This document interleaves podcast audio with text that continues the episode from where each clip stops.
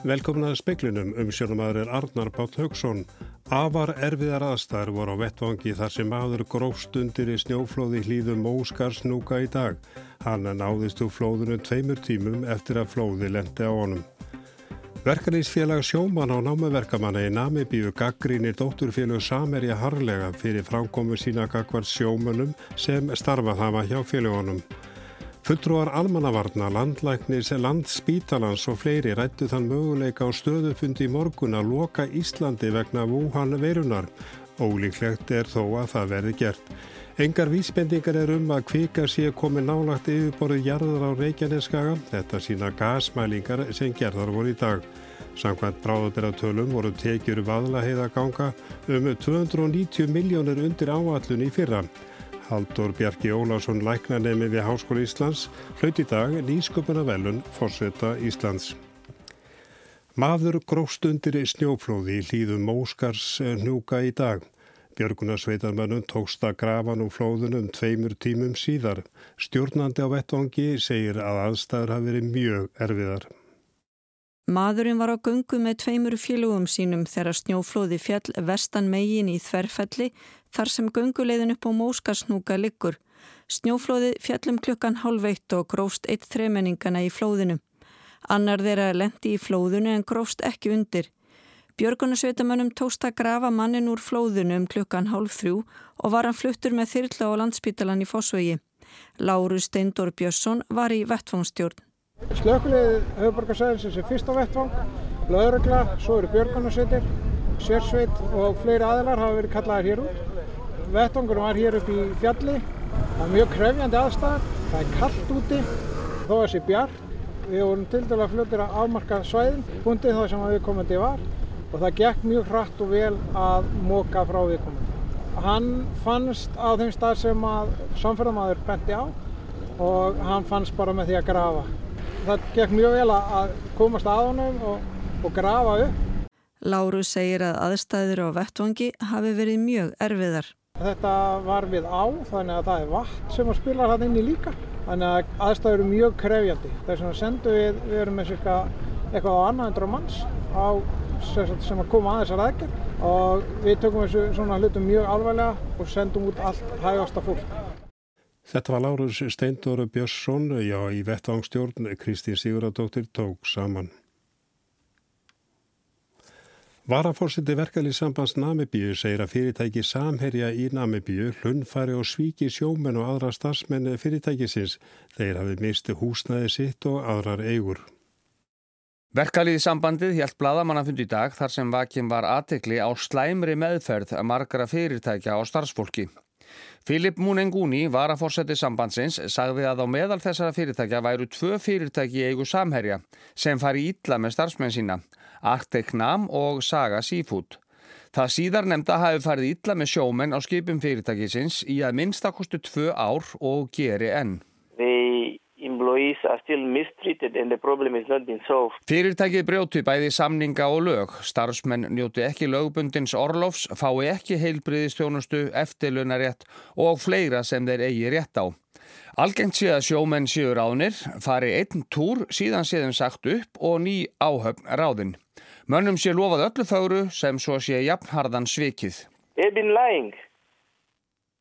Múnengúni segir að samherji verði að bæta þann skada sem það hafi valdið starfsfólki sínu á síðustu árum. Líf margra þeirra hafi hreinlega farið í vaskin þegar samherji sveikða. Fólkið hafi tapað egnum sínum, bílum og börn þeirra þurft að skiptum skóla. So it was, very, very this, uh, uh, uh, Þetta var Filip Múnegúni, Jóhann Líðar Harðarsson talaði við hann.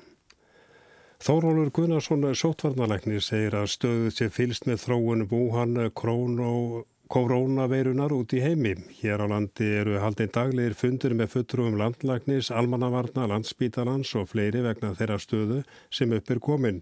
Enginu grunur eru uppi um að veiran sé komin hinga til lands en sem komið er. Þórólur segir að á fundunum í morgun hafi verið rættur sá möguleiki að loka Íslandi fyrir bæði flug og skipaðumferð.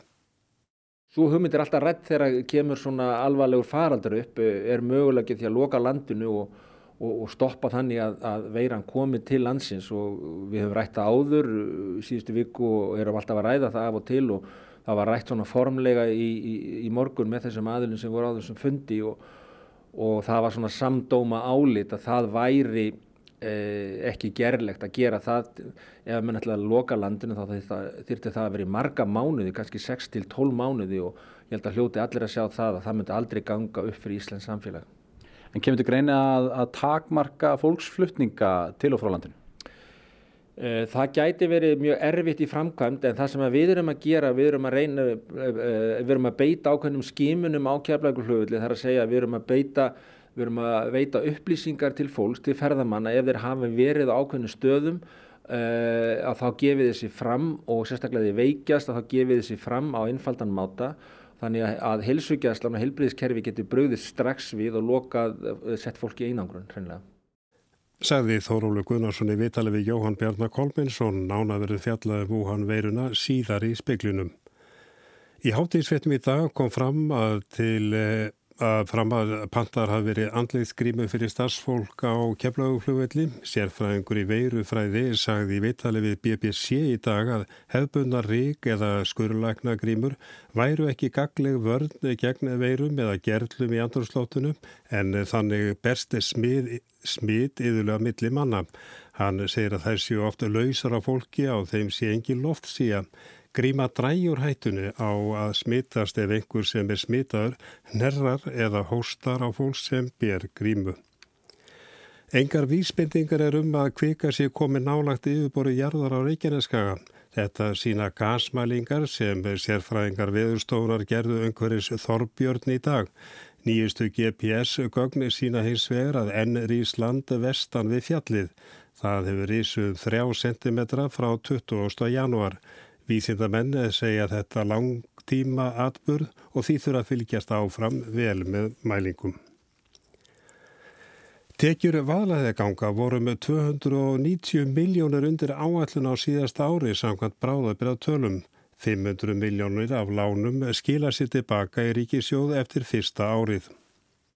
Bráðabirða tölur segja að tekjur vaðalahæðaganga á síðasta ári hafa verið 680 miljónir. Áallanir gerður ráð fyrir um 970 miljónum. Hilmar Gunnlaugsson, stjórnarformaður vaðalahæðarganga, segir tap á rekstri félagsins. Vextir af lánum hafa verið áallæðir yfir 850 miljónir. Það sé hins vegar ekki verið að tapa peningum á rekstrinum. Það sé fjármunamyndun og að um 500 miljónir skilir sér tilbaka í ríkisjóð eftir fyrsta árið. Auðvitað hefði verið askilett að þetta hefði bara staðið undir sér og þrátt fyrir allan hann að auka kostnað. En með ekki gleyma því að við erum samt að það er að myndast peningar hérna og ef að vextir væru 2,5% en ekki yfir 5% þá væru við að, að standa undir áborgunum og, og lánum. Lægri tekjur skýrast af minnu umferð og lægra meðalverði á ferð heldur en reikna var með. Hann segir nýja rekstrar áallun og breytingar taka mið af útkomi síðasta árs. Hann telur hérna almennu umræðu um göngin jákvæða hjá þeim sem séu hvað næst þeim. Umfjöllun í fjölmjölum sé hins vegar óþarlega neikvæð. Hann segir gældskrana í skoðun en engin ákverðun um breytingar hafi verið tekinn. Það er tvímalust ástæða til þess að vera með þetta í stöður í endurskoðun. En okkar hlutverk sem setjum í stjórn í þessu félagi er ekki bara samfélags hlutverkið, heldur líka að reyna að tryggja eins og hægt er að lánveitandin fái fjármunni tilbaka. Þetta var Hilmar Gunnlaugsson, Óla Árdal talaði við hann. Áta, álag á vakti veðufræðinga á Veðurstofu Íslands hefur aukist mikið eftir að viðverðunar kerfi var tekið upp fyrir þremur árum. Það hefur gefist mjög vel og hjálpa við að koma mjög mikilvægum upplýsingum á framfæri.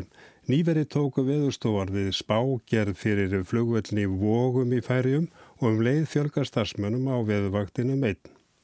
Er álægið meira á veðurfræðinga þegar það eru gular viðvarnir neyri hverju viku og, og lægðir hver og eftir annari? Já, það búið að vera alveg gríðarlega mikið álag á veðurvaktina alveg frá því desember. Þannig að þegar að koma svona veður uh, dag eftir dag eftir dag þá náttúrulega ykst álægið mjög mikið. Þannig að það er mikill kostur að geta verið með þrjá veðurfræðinga á vakt. Það er svona aðeins dreifir þá vinnu á læginu á millið þeirra þannig að við getum bara sagði Elin Björg Jónastóttir, hópstjóri veðurþjónusta á veðurstofun í samtal við Birgi Þór Harðarsson fréttamann og síðustu læðir hafi verið óvinnilegar. Óli Þór Árnarsson er veðurfræðingur á vakt veðurstofunar. Já, þetta er búið að vera svolítið óvinnilegu í janúar að mörgu leiti því að maður er nú kannski vanari að þessar stóru læðir komið siglandi hérna upp yfir og, og bara fari yfir og eru svo bara farnar en núna undanfarnar vikur þá hafa verið að mynda svo kallar pólarlæðir gerðnan í kjölfarlæðana þannig að gamla læðamiðan er kannski einhverstað hérna í kringu landi en upp úr læðamiðinu kannski myndast þrjá, fjórar, fimm smálæðir. Þetta var Óli Þór Árnarsson.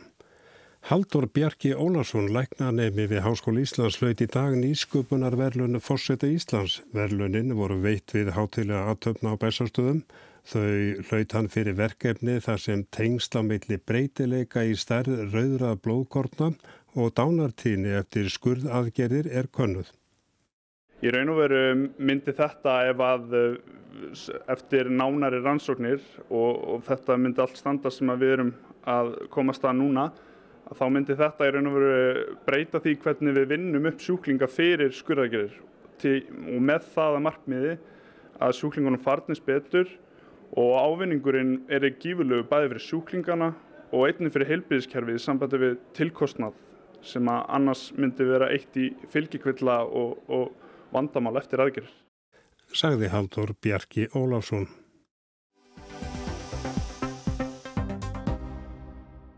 Breitlandi gengur úr Európusambandin á miðnætti á förstu dag 31. janúar og ljóst er hvernig samskipti breyta og ESB ríkja verða í framtíðinni. Ekki hefur verið samið um það enn. Þó að Brexit verða veruleika í vikulók verða breytar þó áfram hluti indri markaðar ESB til áramóta. Þetta er aðlugunatími og stemt er að því að nýta hann til að ná samningum um framtíðarsamskipti breyta á Európusambandsins.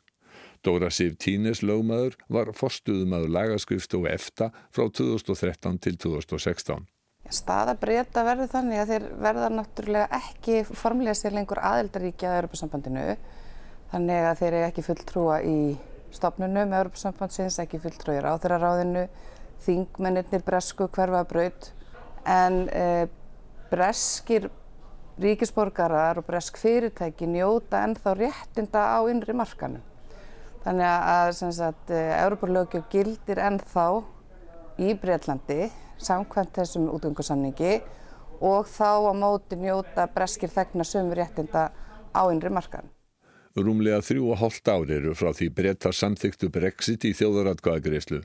Tæplega 52% vildu útgöngu, rúm 48% vildu vera áfram í Európusambandinum. Eftir stórsigur íhalsmanna undir fórustu Boris Johnsons í þingkostningunum í desember var ljóst að Brexit yrði að veruleika.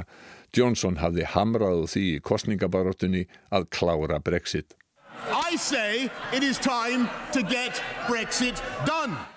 Og nú verður Brexit að veruleika í lókvikunar.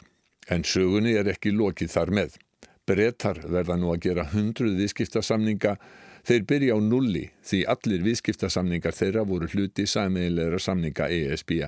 Let me recall that UK will live, is living 600 international agreements. We have to rebuild everything. 600 viðskiptasamningar breyta falla úr gildi og það þarf að byrja á nulli, saði Michel Barnier, aðal samningamæður Evrópusambandsins í viðræðunum við breyta í diblinni í gær. Gilvi Magnússon dósent í Hagfræði við Háskóla Íslands og fórseti viðskipta fræði deilda skólans. Já, formulega séð byrjar á nulli en það er auðvitað hægt að horfa til dæmis til þeirra samninga sem að breytur hafðu aðganga að sem Európusambansríki. Líklega verður það nú svona fyrsta útspilið að reyna bara að halda nokkur nöginn sömu samningum millir Breitlands og, og annar ríkja og, og voru innan, e, voru meðan breyta voru í ESB eh, og síðan eru reglur alþjóða viðskiptastofnunarinnar sem eru líka svona ákveðin grunnur. En ef minn ætla að, að fara í eitthvað flóknara eh, og semjum eitthvað eh, sem hefur ekki verið eh, við líði til þessa þá er það bara mjög erfitt mál Skammur tími er til stefnu því ríkistjórn Boris Johnsons í Breitlandi hefur útilokað að framlengja aðluguna tíma sem er út þetta ár. Hverjar eru líkurnar á samningar takist, Dóra Sif Tínes? Ég hugsa að það sélu kannski ágætist líkur á því að menn nái einhverjum svona einföldum frívislunarsamningi og þá fyrst og fremst sagt, með markasangang og totla fyrir, hvað maður að segja, svona þessar helstu framleysluverur uh, og þá erum við að horfa til bílaðinarins, uh, flugvjela íhluta og, og þessar yðnar sem er í Breitlandi sem að byggir á í raun og veru samstarfi við fyrirtæki inn á innrimarkanum.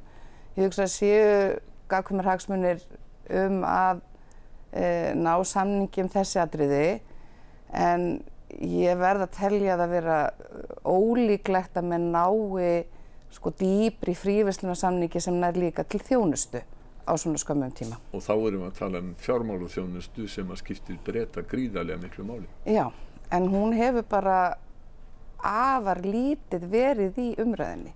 Umræðin hefur öll snúist um engi tollar, engar markasindranir og það ánáttúrulega við bara um frjálslæði vara. E, þannig að e, það er eins og menn hafi kannski haldið að fjármálu þjónustan væri það mikilvæg hinum megin við ermasundi líka að menn væri tilbúinir til þess að tegja sér lengra en, en síðan hafa komið skilabóð frá Europasamband sem segja nei við þurfum að fara með bresk fyrirtæki nákvæmlega eins og hverju önnu fjármáli fyrirtæki sem eru í þriðjaríki, Ástralíu, Singapur, Bandaríkinn svo einhversi nefnd.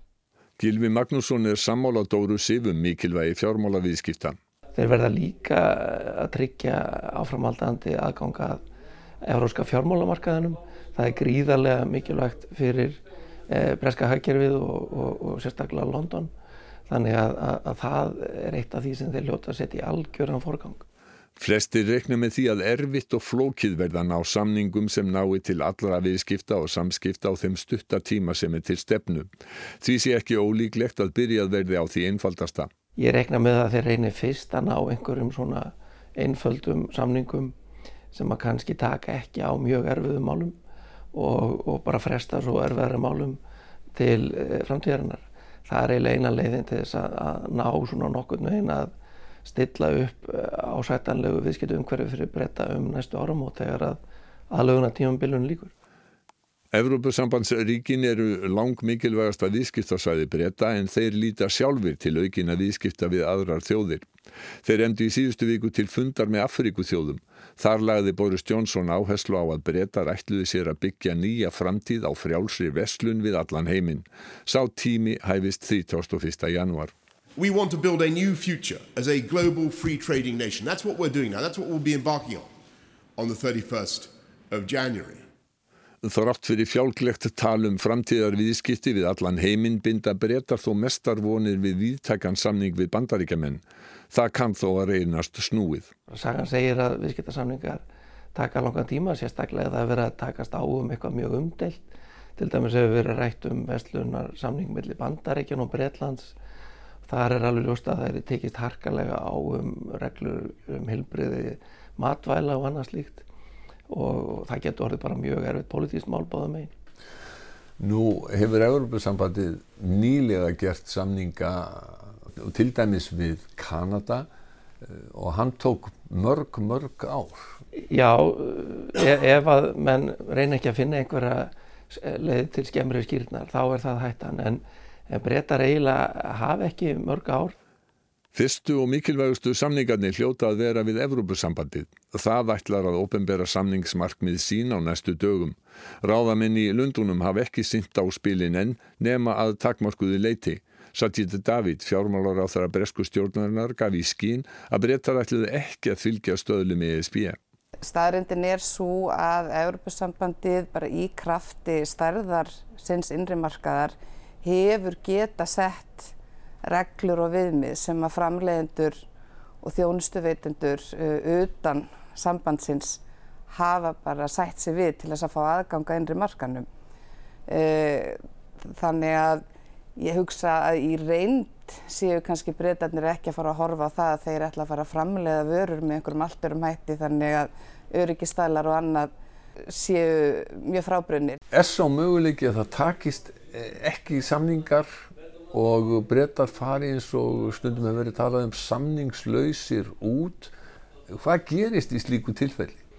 Já, ef þeir fara samningslausir út að þá gilda svona nokkur nefn bara reglur alþjóða viðskiptastofnunarinnar og það er auðvitað hægt að eiga viðskipti á grundveldi þeirra en, en það myndi þýða miklu lagari kjör fyrir breyta og eh, nánast gera lífið óbærilegt fyrir ímsa ratunningarinn erlendans að menn nefnt bílafranlegslu sem að byggir raun og vera á því að eh, íhlutur í bíla og hálkláraði bílar flækjast fram og tilbaka yfir landamæri það eru þýskar bílavesmiður sem er að framleiði Breitlandi úr íhlutum frá Tjekklandi og svo framvegis og þetta gengur ekki upp nema að, að allt geti flægt vandræðalaust uh, yfir landamæri þannig að, að ef að það allt saman stoppar þá er það stór tjón.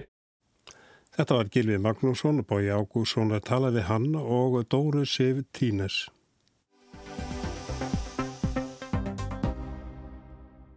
工作人员呢需要得到大家怎样的支持和配合？谢谢。 Ár róttunar byrjar undarlega í Kína. Yfir 30 miljónir kínverja er í hálgerði sótt kví í Húbei héraði í Kína. Almenningssamgöngur innan héraðsins líka niðri og öllum leiðum út úr því hefur verið lokað. Aðgerðir stjórnvalda eru fordæma lausar. Þau hafa ráðlagt fólki að halda sig sem mest innandýra og fá lækni heim ef þarf. Wuhanborg er sögð minna á draugaborg, göturnar rauðar og enginn fer út öðruvísin grímuklætur. Áramótin eru venjulega gleði tími, tími samveru og fjöldasamkoma, en ekki ár. Íbúar Wuhan reyna samt að standa saman og stappa stálinu hver í annan og erfiðum tímum. Á kýmverskum samfélagsmiðlum hefur verið dreift upptökum af fólki sem hrópar baráttu hverjur í kór út um glugga fjölbílisúsa í Wuhan og syngur þjóðlög.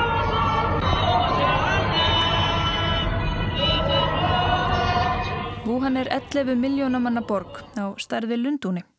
Í Wuhan mætast tvö fljót með tilkomum miklum hætti, hefð gulleita tangti og hefð bláa hann. Og skíakljúvar tegja sig til heimins. Þetta er einn mikilvægasta yðnaðarborg Kína og hvergi í Kína eru fleiri háskólanemar. Wuhan er líka samgöngumiðstöð, eitt best tengda svæði heims. 20 miljónir farþega farum Wuhan flugvöld á hverju ári. Tæplega 6.000 manns hafa nú greinst með veiruna og að minnstakosti 132 hafa látist af völdumennar. Langflest tilfelli hafa greinst í Kína en 17 ríki til viðbótar hafa staðfest að veiran hafi greinst þar. Veiran hefur greinst í þremur Evrópuríkjum, Fraklandi, Þískalandi og nú síðast í Finnlandi. Ferðatakmarkanir eru nú ekki bundnar við Húbei hérað. Stjórnvöldi Kína hafa kvart kínverja til þess að fresta fyrirhugðum utanlandsreisum og stjórnvöldi mörgum ríkjum hafa varað við ferðum til Kína. Íslensk stjórnvöld þar á meðal. Ríkistjóri Hong Kong hefur takmarkað mjög ferðir fólks frá meginlandinu yfir landamærin og nokkur flugfjölug þar á meðal breska félagið British Airways og indonesiska félagið Lion Air hafa felt allt flug til og frá meginlandi Kína niður. Nokkur ríki hafa sendt eða hyggjast senda flugvélar til að sækja ríkisborgara sinna til Wuhanborgar. Áströlsk yfirvöld ætla að senda 600 ástrala í tveggja vikna einangrun á Jólaegu um 2000 km frá meginlandi Ástralíu. Breska ríkisútvarpi BBC greindi frá því í dag að 200 breskir ríkisborgarar sem dvelja í borginni verði sóttir á morgun. Við heimkomu verða þeir sendir í tveggja vikna sóttkví. Útlitt er fyrir að kínversk breskum pörum og fjölskyldum verði stíjað í sundur því kínversk stjórnvöld vilja ekki leifa kínverskum ríkisborgurum að yfirgefa húbeihérað. Veku fríi vegna áramótana í Kína átt að ljúka á morgun. Það hefur verið lengt til mánudags. Sumstaðar, svo sem í Shanghai, fjölmennustu borg Kína, hefur áramótafríið verið lengt um eina veku. Í Húbei héræði er ekki gert ráð fyrir að fólk taki til starfa aftur fyrir en 13. februar. En hvað er vitað um koronaveiruna sem er glæný og naflaus eins og er? Hún er sjöunda koronaveiran sem smitast frá dýrum í menn og er talnega upptök sín á matarmarkaði í Wuhan. Þar voru seld levandi dýr, kjúklingar, kanínur, snákar og leðurblökur svo dæmisjö nefnd. Á vef landlæknis segir að einkennin líkist helst influensusíkingu en veiran geti valdi lúnabolgu. Í samantækt á vef BBC segir að um fjórðungur þeirra sem smitast veikist alvarlega. Fyrstu einkenni séu hiti og þurr hósti, eftir viku fara að bera á öndunar erfiðleikum og sumir þurfa leggjast inn á spítala. Í alvarlegustu tilvikunum leiðir sjúkdómurinn til dauða. Sjúkdómurinn virðist helst ógna öldruðum og fólki með undirlikjandi sjúkdóma. Sá yngsti sem hefur greinst er 14 ára. Í samantækt á VF Breska blaðsins Guardian segir að dánartíðni sé talin vera um 2%. Til samanburðar er dánartíðni vegna hefðbundunar influensu um 1%, dánartíðni í ebola faraldrinum var um 50% og dánartíðni í hafl faraldrinum 2002 sem var líka koronavírus var um 10%. Veiran smitast á milli manna. Á vef landlæknis segir að ekki sé hægt að fullir það um smitleiðir eða hversu smitandi sjúkdómurinn sé, en allt bendi til þess að náinn samskipti þurfi til. Á vef BBC segir að líklega berist smit með lofti. Talið sé að hver þeirra sem veikist smiti 1,4 til 2,5 aðra. Það þýði að faraldurinn eigi ekki eftir að degjúta sjálfum sér. Eitt af því sem vekur áhyggjur er að smitaðir virðast geta verið engjana lausir í alltaf tvær vikur og smitað aðra á meðan. Þetta gerir kýmverskum yfirvöldum erfiðara fyrir að hemja útbreyslu veirunar. Í raun er það helst í höndum kýmverskra stjórnvalda að stöðva faraldurinn. Þau hafa þegar greipið til fordæmalösa aðgerða í þeim tilgangi. Ekki bara sótkvíin, það hega líka að rýsa ný sjúkrahús í Wuhan á nokkrum dögum.